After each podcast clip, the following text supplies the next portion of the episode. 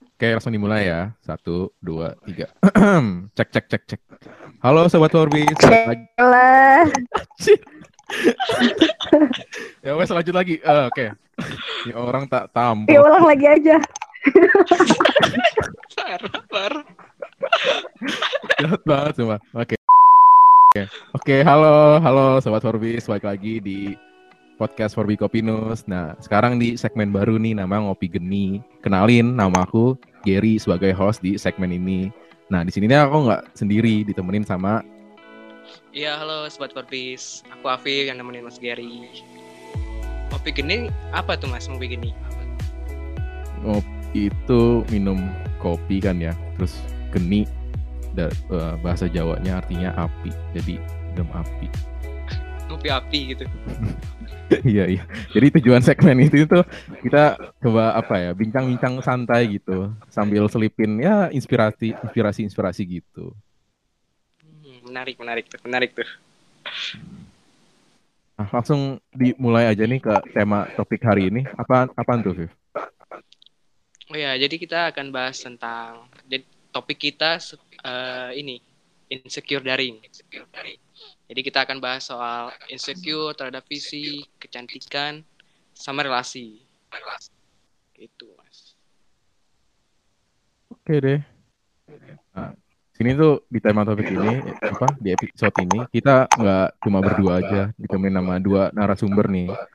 Yang pertama ada Firsta. Halo Firsta. Halo, apa kabar semua? Oh. Ya, bisa dijel- dijelasin perkenalan Firsa, latar belakangnya gimana? Oke, kenalin aku Firsa. Biasanya kita dipanggil Firsa, jadi panggilnya Via aja. Dan I'm a model. Aku sekarang lagi kuliah di psikologi Universitas Brawijaya. Aku angkatan 2019. Itu sih mungkin perkenalan singkat banget dari aku. Oke, halo. Halo, Via. Yang satunya siapa nih? Gak tahu ya siapa. Gak Bisa usah. bisa di unmute. Namanya Giska kalau nggak salah. Iya, bener. Dengan Kak Giska. Halo. Di unmute. Jadi aku mute. Halo, halo. Mm-mm. Ya lo baru sadar ternyata dari tadi ke unmute. Mm-mm. Siapa Anda ya? Eh, eh, kan dari tadi ke mute. Iya, ya. Halo dari tadi kayaknya ke, mute. Pantesan nggak ada suaranya. Oke, Iya. halo semuanya. Ini aku berarti waktunya perkenalan ya. Iya, betul, betul. Oke, kenalin nama aku Giska Fusnania. Aku alumni dari ya, oke. Aku alumni dari via Universitas Brawijaya. Jurusan aku eh, administrasi bisnis. Aku ini sebagai em, difabel vision, juga sebagai entrepreneur dan juga penyanyi, tapi juga suka public speaking gitu. Jadi bingung nih mendeskripsikan dirinya kayak gimana. Ya itulah Hmm. pokoknya ya. Jadi biasanya aku suka membawakan topik-topik mengenai isu-isu disabilitas, mengenai bisnis gitu ya, kalau misalnya ada mentoring bisnis gitu. Dan juga masalah kepenulisan juga biasanya suka ngasih materi tentang ya tiga hal itu. Oh iya, tapi kalau sekarang lebih banyak ngebahas masalah em, psikologi sih, masalah mental illness, masalah mental health juga gitu. Hmm. Oh, banyak ya. Banyak Mm-mm. juga. So, so sibuk ya? Mm. Iya iya, jangan kaget dong, jangan kaget dong, jangan terkesima dong. Aduh, Mm-mm. jadi malu. Ini malu. Sombong lagi. Mm-mm. Nah, sebelum mulai nih, kan kita bahas soal kecantikan. harus kalau di depan Gary harus kayak gitu. Eh, diam Anda. Lanjut. Kita bahas kita bahas kecantikan, standar kecantikan. Nah, aku mau nanya soal Mas Gary dulu nih, yang cowok. Mas Gary suka cowok, suka cewek kan? I- Cewek iya, suka? su- iya, Oh, cewek. suka. Heeh, suka sama cewek. Betul. Cantik kalau dia- Mas Gary apa? Ah, kamu salah pertanyaannya sama Gary kayak gitu. Mana Eh, yang dari bener? kriteriaku ya yang baik-baik sih, soleha, em, rajin menabung, eh, pinter, gitu sih, Viv. Kalau kamu gimana? Viv?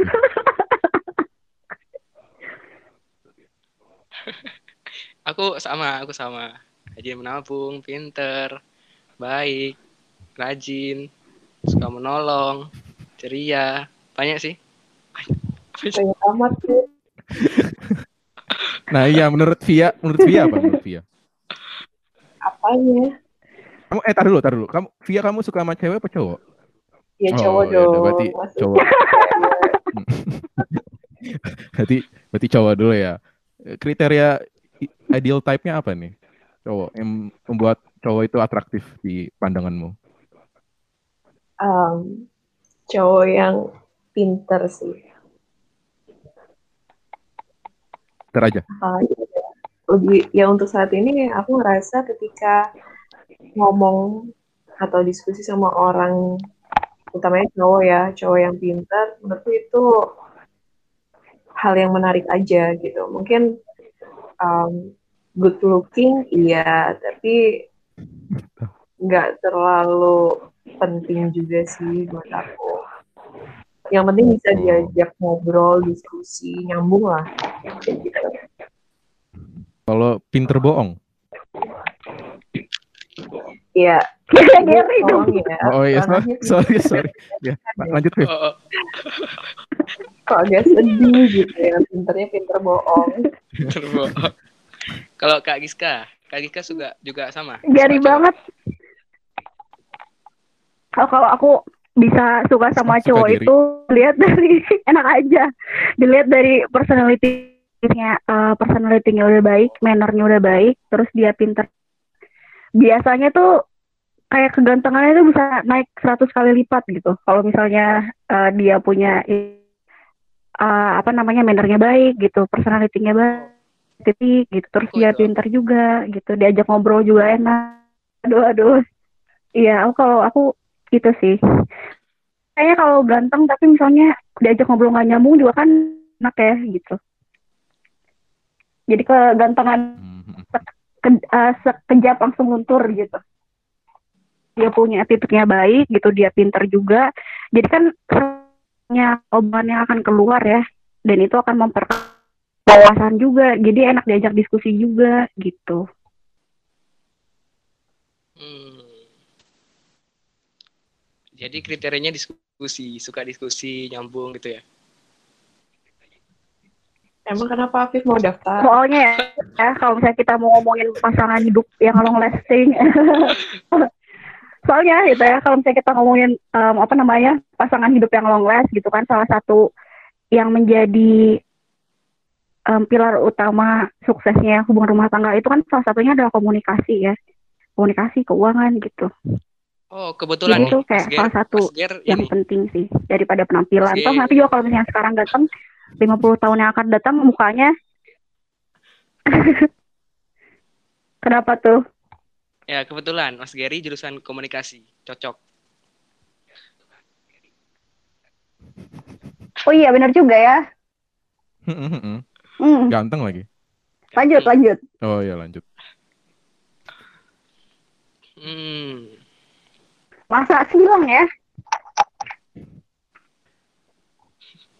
Nah, tadi itu kan- sih dari aku. Oke, makasih. Lanjut lanjut. Oke, ya makasih Giska. nah tadi kan ini dari pandangannya Kak Iya, sama-sama. Ya ampun nih orang lemot banget. nah ini kan udah udah tahu nih dari pandangan masing-masing nih. Nah sekarang coba kita olah lagi gitu apa dari latar belakang masing-masing yang kesibukannya tadi. Tadi kan Via sendiri dari modeling. Itu menurutmu gimana Via? Soal kan tadi kamu bilang standar cantikan gitu, apa yang membuat cowok itu atraktif. Nah kalau misalnya eh perempuan gitu, menurut pandanganmu gimana gitu? Apa yang membuat perempuan atraktif? Menurutmu dulu ya?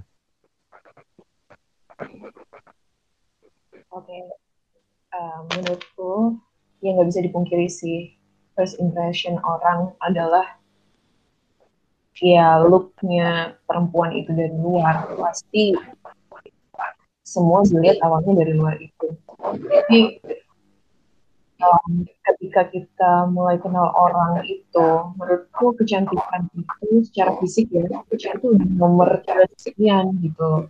Ya benar kata Mbak Giska tadi attitude-nya, terus gimana dia berperilaku gitu, terus gimana dia membawa kebermanfaat kebermanfaatan buat orang lain, terus gimana dia percaya diri atas dirinya sendiri, bagaimana dia membawa dirinya di hadapan orang kayak gitu sih. Dan sebenarnya kalau misal itu versiku ya, tapi kalau misal di duniaku, di dunia modeling, memang gak bisa dipungkiri, cantik itu dinilai dari fisik kayak gitu. Hmm. Nah ini menarik. Aku pengen nanya ke Via. Ya, Eh, kan di modeling ada kayak standarnya gitu ya. Nah, kayak Ya. misalnya kita lihat di media, media iklan, iklan sampo, iklan sabun, eh, yang ditampilin cewek putih, rambut panjang, hitam, lurus. Nah itu Iya. kan kayak jadi seolah standar di masyarakat. Soalnya kan iklan ya ditampilin di masyarakat, ya akhirnya jadi standar di masyarakat. Nah itu kalau menurut kamu, eh eh, ada menyebabkan tekanan nggak gitu dari kamu atau dari eh, masyarakat lain yang merasa dirinya nggak sesuai sama model itu jadi insecure gimana kalau menurut Well, kalau dari sebenarnya gini, dulu aku nggak ngerasa insecure gitu. Aku nggak peduli sama standar kecantikan yang ditentukan oleh masyarakat gitu. Yang emang ada di masyarakat ini aku benar-benar nggak peduli. Cuman waktu aku SMA, teman-temanku alhamdulillahnya lumayan banyak. Dan mereka itu memang dari berbagai kalangan. Dan kebanyakan yang ngerasa insecure atas diri mereka secara fisik ya itu tuh nggak dikit gitu. Teman-temanku banyak merasa bahwa mereka itu nggak cantik hanya karena kulit mereka nggak putih atau rambut mereka nggak panjang lurus kayak gitu terus mereka badannya berisi. Dan aku selalu bilang gitu jangan ngerasa kamu harus memenuhi, ekspektasi orang gitu dengan keadaan yang sekarang ya kamu harus um, bisa mensyukur itu. Aku yakin kamu punya kelebihan yang lebih dari sekedar itu gitu loh. Tapi ketika aku kuliah ini aku ngerasa di dunia yang baru di dunia perkuliahan yang memang bukan di tempat asalku gitu. Aku kan istilahnya merantau kan di Malang. Mm-mm. dan di sana aku ketemu banyak orang baru banyak orang yang sebelumnya nggak pernah aku temuin. Dan di situ aku ngerasa insecure banget. Aku ngerasa kayak ini apa gitu loh dibanding mereka terus em, itu distract banget buat aku dan bahkan sampai sekarang pun kadang aku masih merasa insecure gitu karena di duniaku di dio- di dunia model ini memang ada beberapa standar kecantikan yang memang nggak bisa diganggu gugat. Contohnya tinggi badan dan berat badan.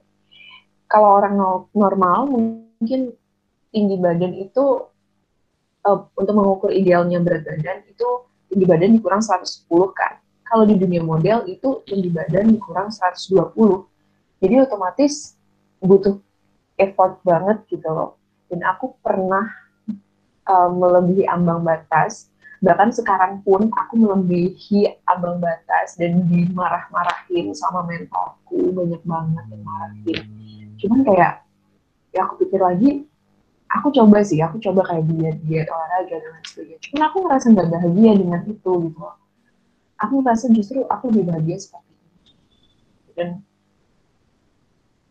gimana ya lebih ke sini kayak aku ngerasa dengan aku bahagia ya hidupku jadi lebih enak aja di jalannya. Jadi I don't care about that beauty standard gitu. Untuk sekarang kayak gitu sih. Oke oke Hmm, kalau boleh nanya nih, ini kamu masih aktif kah di dunia modeling ini? Masih, masih. Hmm, Emang aku nggak Oke. terlalu ini sih, nggak terlalu kayak oversize gitu, emang enggak. Cuman kayak um, sizeku itu jadi nambah daripada biasanya gitu loh. Dan itu baik di dunia modeling, even kayak cuma nambah satu senti doang, misal li- lingkar pinggang sampai satu senti kayak septic problem Iya. gitu Hmm, ya kayak gitu. Berarti ini nggak sih apa kalau dunia model tuh nggak ngelihat misalnya misalnya kalau em, ada model nih Hmm. dan kebetulan dia ya dia langsing gitu. Pasti orang-orang banyak yang ngeliat kan oh dia dia langsing ya apa fit gitu. Ternyata ternyata enak gitu lah pokoknya gitu. Tapi nggak nggak pernah bilang oh dia ini ya dia sehat ya kayak gitu. Nggak pernah bilang kayak gitu. Iya bener banget. Bahkan ada tuh Hmm. model itu yang sampai kayak uh, saking dia saking dia pengen terusnya, um, ya dia nggak makan, bener-bener nggak makan kayak seminggu dia makan cuman tiga kali. Bayangin bisa nggak coba dibayangin tiga kali?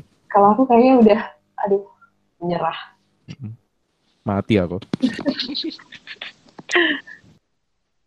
yes Woi, asli suaranya putus-putus banget. Tapi aku merhatiin sih, aku benar-benar ngasih em, garis bawah sama kalimat yang tadi terakhir. Temennya Via yang sampai nggak makan lah segala macam. Justru menyiksa diri ya dari standar kecantikan yang diberikan gitu. Kalau secara medis, em, kalau misalnya orang nggak makan tuh bukan berarti dia langsung turun berat, turun berat badan gitu. Soalnya gini, kalau misalnya kita lihat fakta di lapangan ya, tomis nih atau misalnya banyak eh, gelandangan yang berhari-hari nggak bisa makan. Nah kalau misalnya eh, mereka langsung turun berat badan atau misalnya langsung mati di tempat itu kan kan faktanya nggak kayak gitu. Tapi kan em, tubuh kita ini pintar. Jadi kalau misalnya nggak ada asupan makanan, jadi dia tuh em, pan semua em, jenis jenis apa namanya glukosa di dalam tubuh gitu entah itu jadi lemak atau jadi apa. Jadi se- sebenarnya dengan nggak makan jadi tubuh ini malah menimbun lemak karena dia ngerasa bahaya wah kita nggak dapat asupan makanan kita nggak dapat asupan nutrisi dan itu bisa justru em, tubuh kita nimbun lemak. Jadi sebenarnya konsep di nggak makan itu salah banget. Yang pertama nyiksa diri yang belum tentu hasilnya sesuai dengan yang dia harapkan. Karena kan metabolisme tubuh kita beda juga ya Terus eh, secara genetik juga tubuh kita beda. Ada yang emang terlahir dia kurus terus sebanyak apa pun dia makan. Ada yang dia makan dikit tapi langsung gendut gitu kan. Jadi apa namanya secara genetik juga tubuhnya beda-beda. Harusnya kalau misalnya dia kayak gitu harusnya sih didiskusi dulu sama pakar gizi, sama dokternya juga gitu. Kalau mau bener-bener ya, itu nanti bukannya dia turun ber- mati konyol gitu kan. Secara psikis kena gitu kan karena kena em, nah istilahnya bullying lah kayak verbal bullying dari orang gitu masalah pernah dua tubuhnya juga ya sakit juga bisa menimbulkan banyak sakit nanti di kemudian hari gitu. Terus em, apa tadi pertanyaannya? Masalah standar kan ya supaya cewek dinotis sama cowok itu gimana ya? Versi aku gitu kan Nah, iya seperti kamu dulu Eh, Mm-mm. sekarang standar kecantikan Nah. cewek itu menurutmu Oke. apa Kalau misalnya menurut aku yang paling penting adalah wanita itu punya value. Value itu menurut aku adalah segala-galanya. Value itu apa sih? Kalau misalnya kita Harga. jabarkan tuh banyak banget. Value nilai ya, bukan harga, tolong. oh iya sorry sorry Soalnya kalau misalnya kita bicara misalnya masalah kecantikan, akan akan selalu ada orang yang lebih cantik, lebih kaya gitu. Tapi kalau misalnya kita punya value lebih gitu, dengan yang bilang gitu, kalau misalnya kita em, udah percaya sama diri, udah percaya diri gitu ya, orang ngelihat kita juga akan enak aja gitu, nggak akan ngelihat, oh dia tuh ternyata berat badannya segini ya gitu, oh ternyata dia tingginya segini ya, oh ternyata hidungnya nggak mancung ya, nggak akan kayak tapi kalau misalnya ngeliat value gitu si perempuan ini cerdas gitu kan dia sendiri dia bisa punya impact buat orang lain gitu. Tapi kan sebelum menuju ke sana kan harus ada proses yang dilewatin dulu ya. Kayak misalnya setiap orang tuh pasti punya rasa insecure masing-masing. Nah kita Mm. bisa berdamai dengan insecure jadi dari insecure bisa bersyukur itu kan um, yang pertama harus self acceptance-nya dulu kan menerima diri sendiri dulu nah em, proses menerima diri sendiri dulu itu pasti beda-beda tiap orang gitu nggak akan sama kalau misalnya si A bisa hari, si B bisa berapa bulan, si C bisa bertahun-tahun. Nah, itu acceptance-nya itu akan lama banget. Nah, setelah menerima itu, ya udah oke, okay, fisik aku kayak gini nih, gitu ya. Um, apa yang aku miliki tuh kayak gini. Tapi aku nggak mau berhenti di sini. Aku mengembangkan diri aku sendiri lewat semua yang aku suka. Misalnya kalau misalnya ada suka fotografer, ya dia bisa bisa lah menjadi fotografer yang profesional gitu. Dia suka di bidang bisnis, dia bisa jadi um, um, woman entrepreneur yang bagus gitu, yang hebat, yang bisa meng-hire banyak karyawan. Kalau misalnya dia suka bidang um, perfilman, dia bisa jadi sutradara atau misalnya jadi uh, film hebat gitu. Jadi bisa dari berbagai aspek. Jadi setelah menerima diri dia bisa menggali nih potensi yang dia punya tuh seperti apa sih. Nah, tahu potensinya di mana, kelebihan dia di mana, kekurangan dia di mana. Akhirnya dia bisa dan itu semua kelebihannya bisa dimaksimalkan, kekurangannya bisa dilatih. Misalnya dia um, kurang gitu ya, tapi butuh uh, standar kecantikan kalau misalnya yang terlihat bagus tuh harus kayak gimana. Mungkin kalau sekarang semakin banyaknya teknologi dia bisa pakai heels atau misalnya wedges tapi kalau nggak nyaman pun misalnya bisa pakai flash yang ditambah haknya gitu. Tapi kalau misalnya nggak nyaman ya udah be yourself nggak usah peduliin apa kata orang karena orang tuh cuma ngomong doang gitu. Ngomong di depan doang. Setelah itu juga prosesnya mereka nggak akan pernah mau tahu kayak gini. Ada orang yang bilang oh kamu tuh uh, gendutan ya gitu oh kamu tuh kenapa ya misalnya kalau uh, perkuliahan kamu tuh kenapa ya uh, nilainya kok kayak gini? Kok jelek gitu? Lihat dong, uh, lihat dong anak tante, anak tante tuh kuliahnya di sini loh gitu. Dia kemarin udah jadi ini loh, nah kan ya, ya. enggak enggak, hmm. ini kan banyak nih ke kenyataannya kayak gitu. Nah, oh iya iya. Uh, uh. Uh, Oh kenyataan pribadi. Oh. Ya lanjut lanjut mbak.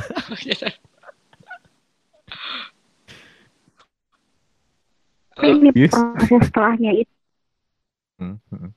kita tuh kayak gimana? Apakah mental kita yang kena gitu kan? Bisa jadi satu omongannya dia itu bisa membahayakan kehidupan kita ke depannya gitu.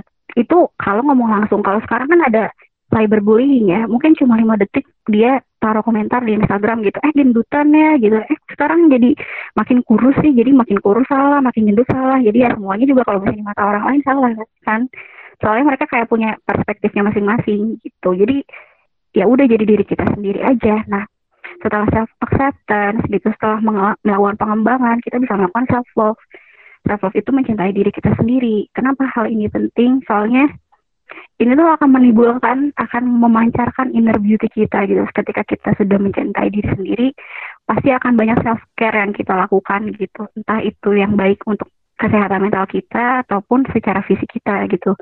Karena kalau misalnya um, kita terganggu gitu ya 70% dari penyakit itu ditimbulkan dari masalah psikologis gitu jadi um, kalau misalnya kitanya bahagia gitu ya berarti kan self care-nya baik nih self love-nya baik nah nanti kita akan bisa menimbulkan energi positif gitu kadang kita suka lupa ya ketika pagi ini misalnya yeah, kita yeah. melakukan rutinitas pagi biasanya kalau misalnya Gary nih Alfred Via kalau misalnya mau datang nih ketemu presiden hari ini Pagi-paginya ngapain? Mandi. Mandi. Kalian dipanggil Mandi. presiden, terus terus apa lagi? Terus? Hmm. Mm -mm. Ada yang dipersiapkan ya. Terus mandi? Ya baju baju rapi, baju formal gitulah. Muka sih emang udah baju rapi, ya. oke. Okay. Hmm. Nah, eh, dia waduh waduh. Nah ini nih masalah baju misalnya. Milih yeah, bajunya yeah. kan pasti milih bajunya yang terbaik kan yang rapi gitu, yang bagus. Mm -hmm. Nah, kita tuh suka lupa, kita tuh kadang suka mempersiapkan baju aja ya buat penampilan kita gitu. Tapi kita lupa kalau yang sebenarnya yang paling penting untuk memulai hari itu bukan cuma milih baju, tapi memilih energi gitu. Oh. Energi apa sih yang mau kita pakai hari ini? Apakah kita mau marah-marah, apa kita mau kecewa, apa kita mau sedih gitu. Tapi apa kita mau bahagia gitu. Nah, jadi setiap malam sebelum tidur harusnya kita meninggalkan semua energi negatif gitu. Kalau misalnya sedih ya udah sedihnya berarti selesai hari itu aja. Kalau misalnya kecewa ya udah selesai kecewanya hari itu aja. Ketika besok paginya kita yang milih energi gitu. Kita mau milih energi positif gitu. Bisa aja sih kita maksudnya dapat energi dari luar, tapi kan kebanyakan energi dari luar itu kan banyak energi negatif. Nah, kita nggak tahu nih isi kepala orang apa aja. Jangan sampai orang yang mempengaruhi kita, tapi kita yang mempengaruhi orang lain dengan kita memberikan energi positif. Gitu sih.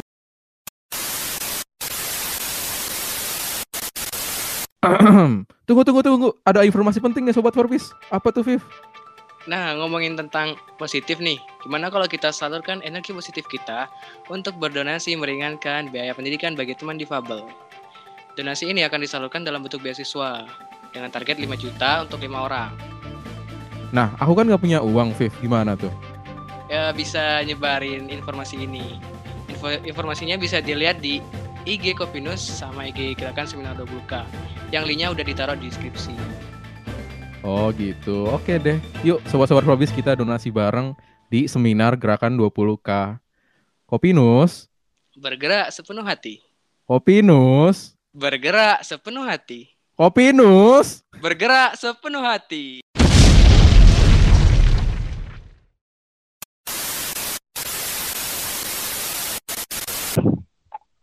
Oke. Tadi kan Nah, Giska aku ini. Oh iya, Afif. Mana? Iya, aku mau mau nanya ke Kak Giska. Tadi kan Kak Giska, eh tadi kan kita ngomongin tentang ini ya, kecantikan, fisik, nah gitu-gitu kan. Nah, eh, kemarin kita udah riset nih, Mm-mm. survei terkait di Viopina. Di surveinya itu kita ngebahas tentang difabel. Eh, jadi isi surveinya itu apakah difabel mempengaruhi ke Oke. keatraktifan seseorang. Nah, di situ jawabannya macam-macam.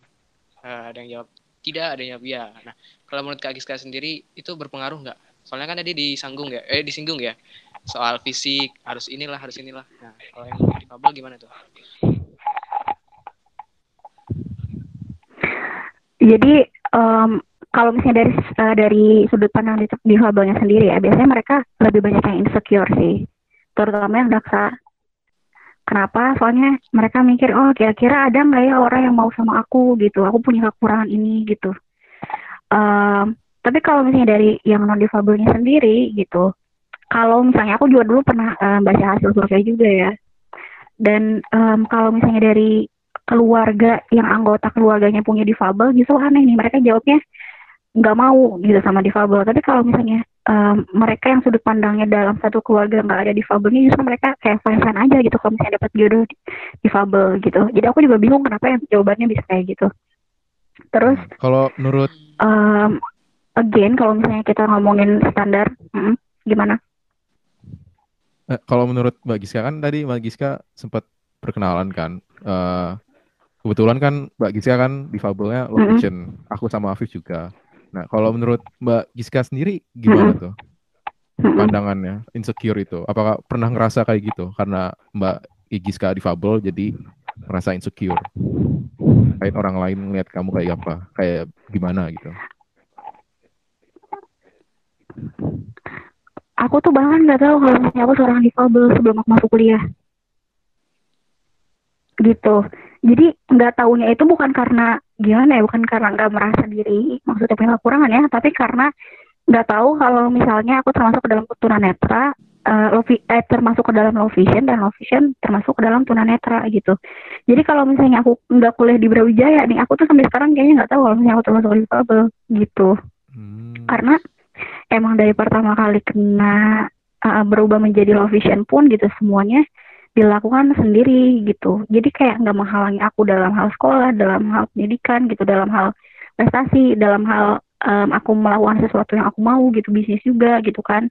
Ikut perlombaan juga. Jadi kayak bukan bukan halangan. Tapi ketika emang aku men- mengetahui kalau misalnya aku punya um, keterbatasan keterbatasan penglihatan gitu ya aku jadi kayak pengen nunjukin aja gitu loh kalau misalnya aku bisa loh gitu. Meskipun banyak banget dilema yang dihadapin ya itu kan maksudnya masih masih umur belasan kan aku kena itu.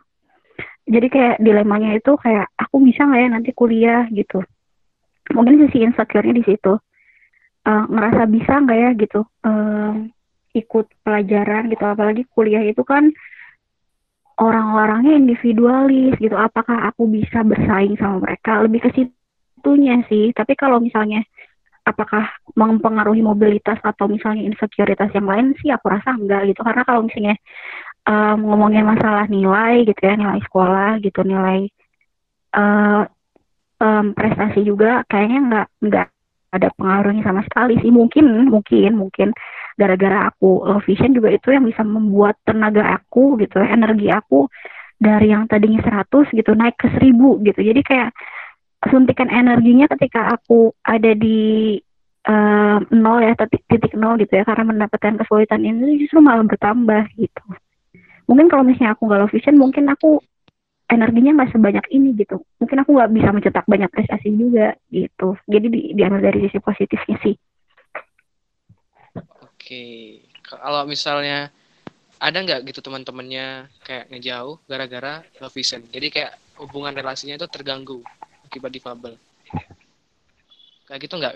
Nggak sama sekali sih kalau aku kalau aku ya. Kalau aku nggak sama sekali. Justru hmm. apa ya sebelum masuk ke Brawijaya event aku masuk ke Brawijaya aku cerita ke teman-teman aku pun gitu. Aku tuh sebenarnya termasuk difabel hah difabel apaan? gitu. Orang kamu biasa aja gitu orang oh. masih bisa ngerjain apa aja kamu difabel apaan? gitu. Jadi kayak mereka tuh bingung gitu loh KW mungkin. Ah, ah gitu kan. Secara fisik juga maksudnya kan ke mana?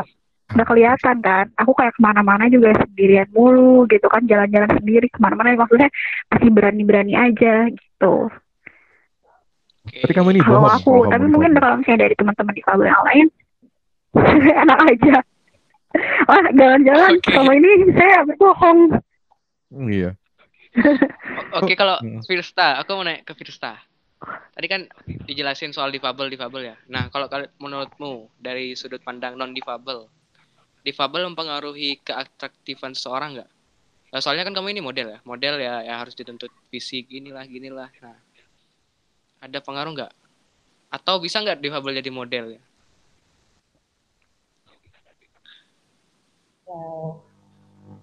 um, itu pertanyaan yang sulit sih buat aku karena selak sejauh ini ya sejauh ini aku show pemotretan dan segalanya berkecimpung di dunia modeling, aku belum pernah um, bertemu dengan seorang model model yang dia difabel. Hmm. Tapi um, di luar negeri, bukan di Indonesia, itu banyak gitu. Jadi um, kekurangan itu justru jadi kelebihan gitu loh di sana di luar. Karena mungkin karena apa ya orang luar itu lebih ini menurutku ya menurutku orang luar itu lebih open minded gitu loh kalau dibanding orang-orang sini. Mungkin bahkan standar kecantikannya orang luar dengan orang Indonesia itu beda ya nggak sih? Iya iya. Orang luar itu kayak lebih menghargai ya orang-orang yang berkulit hitam dan lain sebagainya itu mereka tuh kayak lebih terbuka. Bahkan di sana mereka itu seakan-akan cantik. Buktinya aja banyak bule ke Indonesia. Mereka cari perempuan Indonesia yang berkulit sawo matang gitu. Hmm. kalau di sini orang cantik itu ya iya benar. Orang putih orang dengan rambut panjang yang hitam ya. Kita benar-benar tahu lah. Kayak ya, itu apa uh, kayak apa produk kosmetik gitu uh -uh. Uh, kayak kulit hitam itu jadi masalah gitu kalau lihat di iklan-iklan ini iya. buat memutihkan. hitam jadi Emang kenapa kalau hitam? Hitam jadi putih. Iya, ada masalah gitu. Iya. Ya gitu deh. Kalau di modeling ya di dunia model kayak gitu. Jadi di difabel gak mempengaruhi ya atraktifan gitu. Ya, oh. ya cantik bukan gak ada korelasinya sama difabel gitu kan? Ya nggak ada sih, menurutku nggak ada ya. Cuman kalau di dunia modeling yang ada di yang selama ini aku apa ya terjun di situ mungkin itu masih menjadi sedikit permasalahan kayak gitu. Oke. Oke oke. Oh iya tadi kan ngomongin soal pemerintah apa kayak pemerintah nasional di luar negeri di dalam negeri di dalam negeri di luar negeri kan kan berarti artinya ada uh, kebijakan yang beda-beda. Nah, uh, apa ya? Uh, kalian pernah tahu nggak kalau misalnya per, uh, kalian percaya nggak kalau beauty itu mempengaruhi kerja, sekolah atau, atau kayak ada ini lah privilege bagi kalian yang cantik gitu-gitu. Pekerjaan, pendidikan gitu-gitu. Eh, kalau misalnya dari aku nggak ada korelasi antara buka sama kerja nggak ada korelasinya sama sekali malah. Jadi kalau ditanya berpengaruh atau enggak ya enggak sama sekali nggak ber- berpengaruh sih. Jadi kalau misalnya kemampuan seseorang ya udah kemampuan eh, hasil kerjanya gitu ya udah dilihat dari kemampuannya diri jadi nggak ada hubungannya sama kecantikannya. Gitu. Kalau dari aku Um, kalau dari aku Hmm. tergantung dia cari kerjanya apa dulu. Kalau misal dia emang daftar di bagian misalnya front office atau apa gitu, ya aku berdasarkan ini sih, berdasarkan mentor-mentor aku bilang, um, dia itu mempengaruhi gitu. Tergantung kamu mau kerja di bagian mana. Kalau kamu memang di belakang, orang belakang, ya pasti nggak masalah gitu. Kecuali kalau memang kamu ditampilin di depan gitu, kayak misalnya di bank, di, jadi teller atau apa yang emang difungsikan untuk attract people gitu. Ya mungkin itu berpengaruh gitu. Balik lagi ke kerjaan sih. Bener sih, aku juga pernah baca apa eh, ya jurnal artikel gitu tentang PR atau humas. Mereka kan sebagai ini kan ya repre- representasi se- sebuah perusahaan gitu. Nah dan Iya, kebanyakan PR itu perempuan gitu. Iya. Yang apa ya, ya masih muda, masih muda gitu dan nggak mau yang tua. Biasa gitu sih. Karena memang dianggap lebih menarik kan.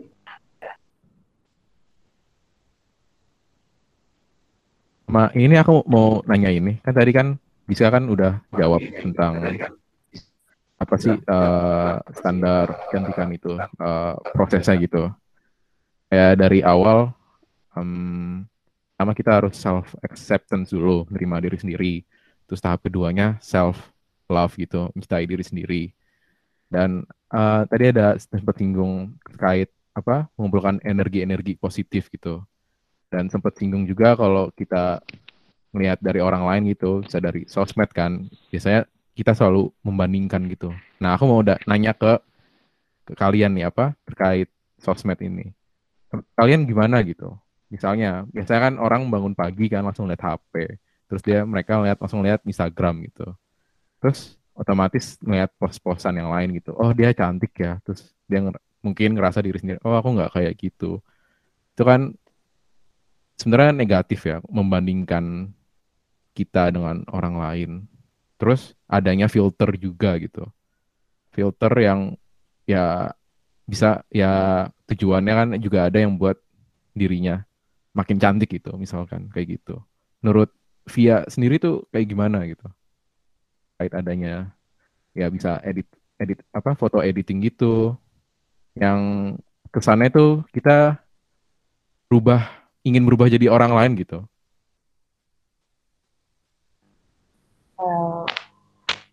Kalau menurutku kalau adanya foto editing kayak gitu-gitu itu balik lagi ke orangnya sih.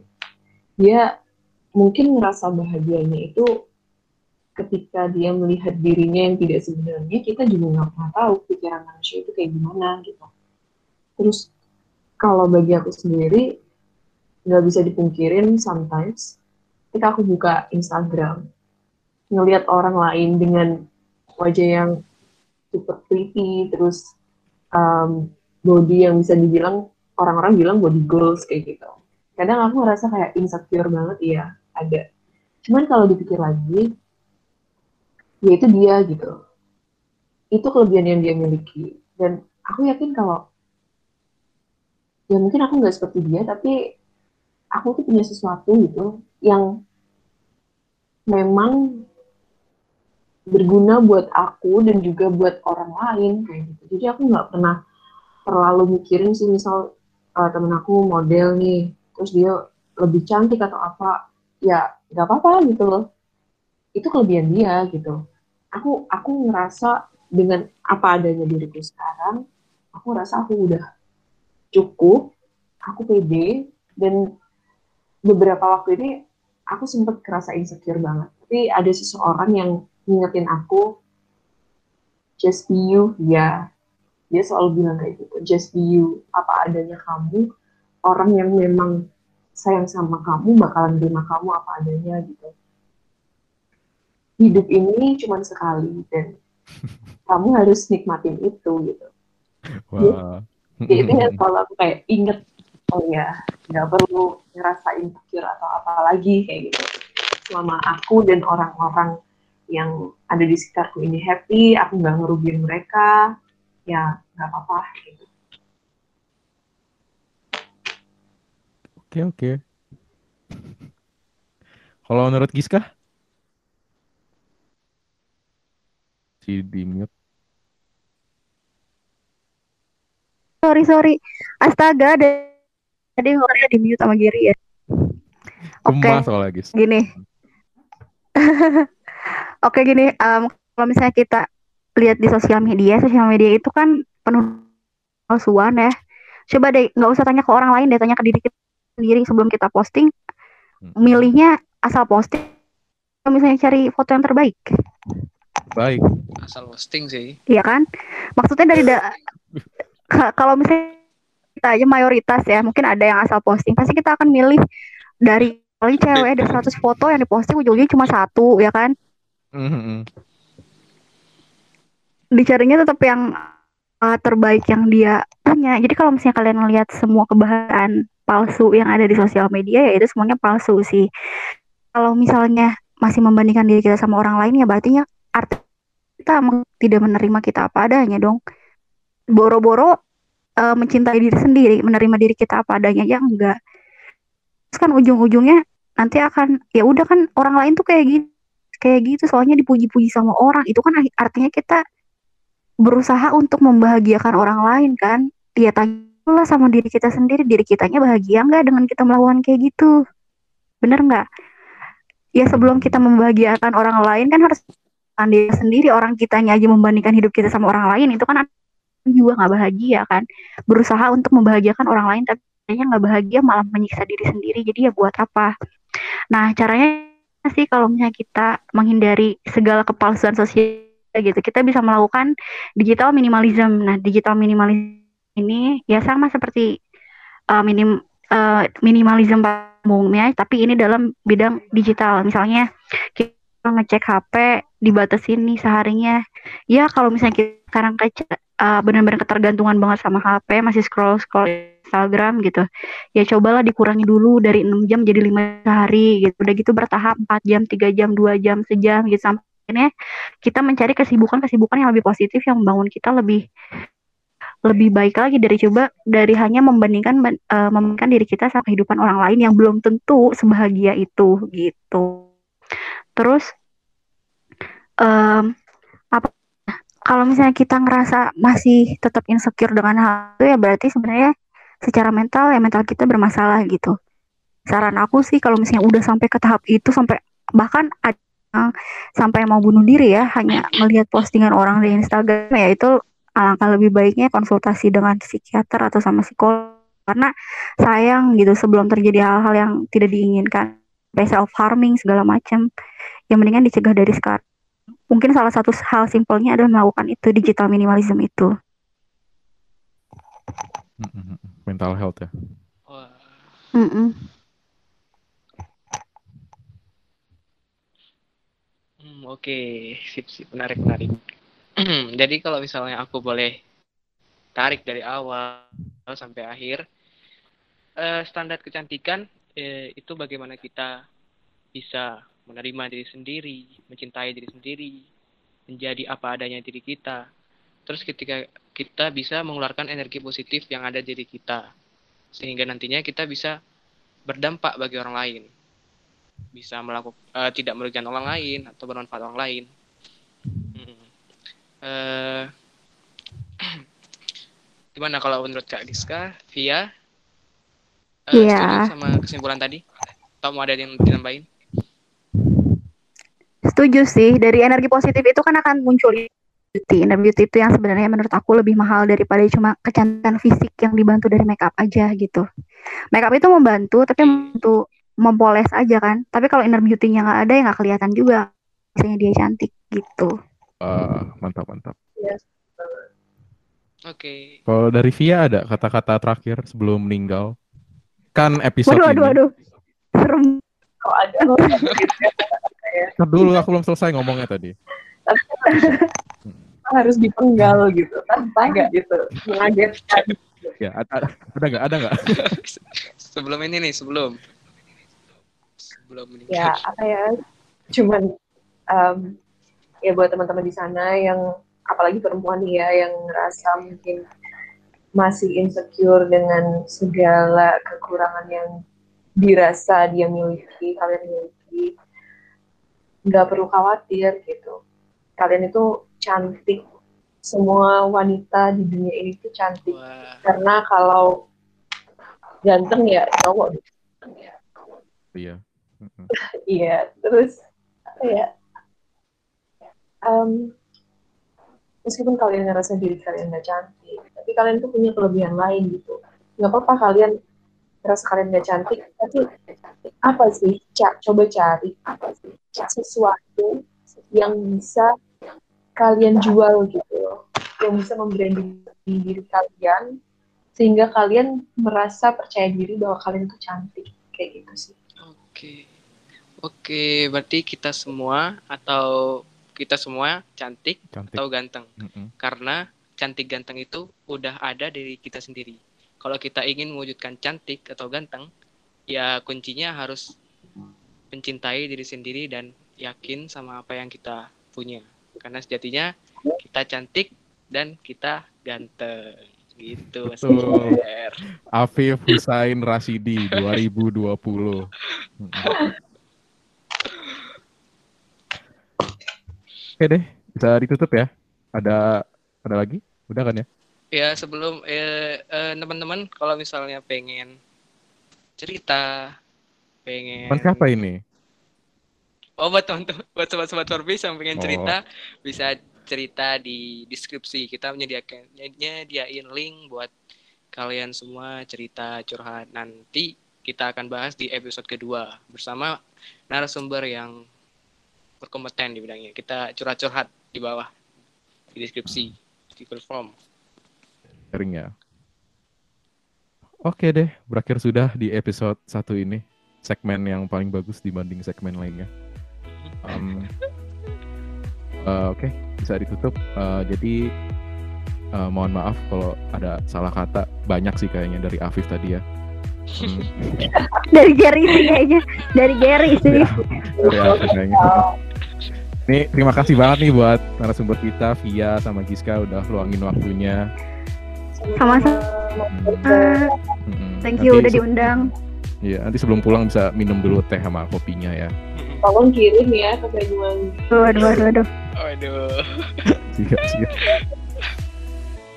Oke, saya Giri selaku host terkeren di podcast ini. Pamit. Ampun. Saya Afif orang- orang terbaik karena tadi ganteng itu baik kan. Ah, Bisa ditutup. Yo, dadah. Dadah.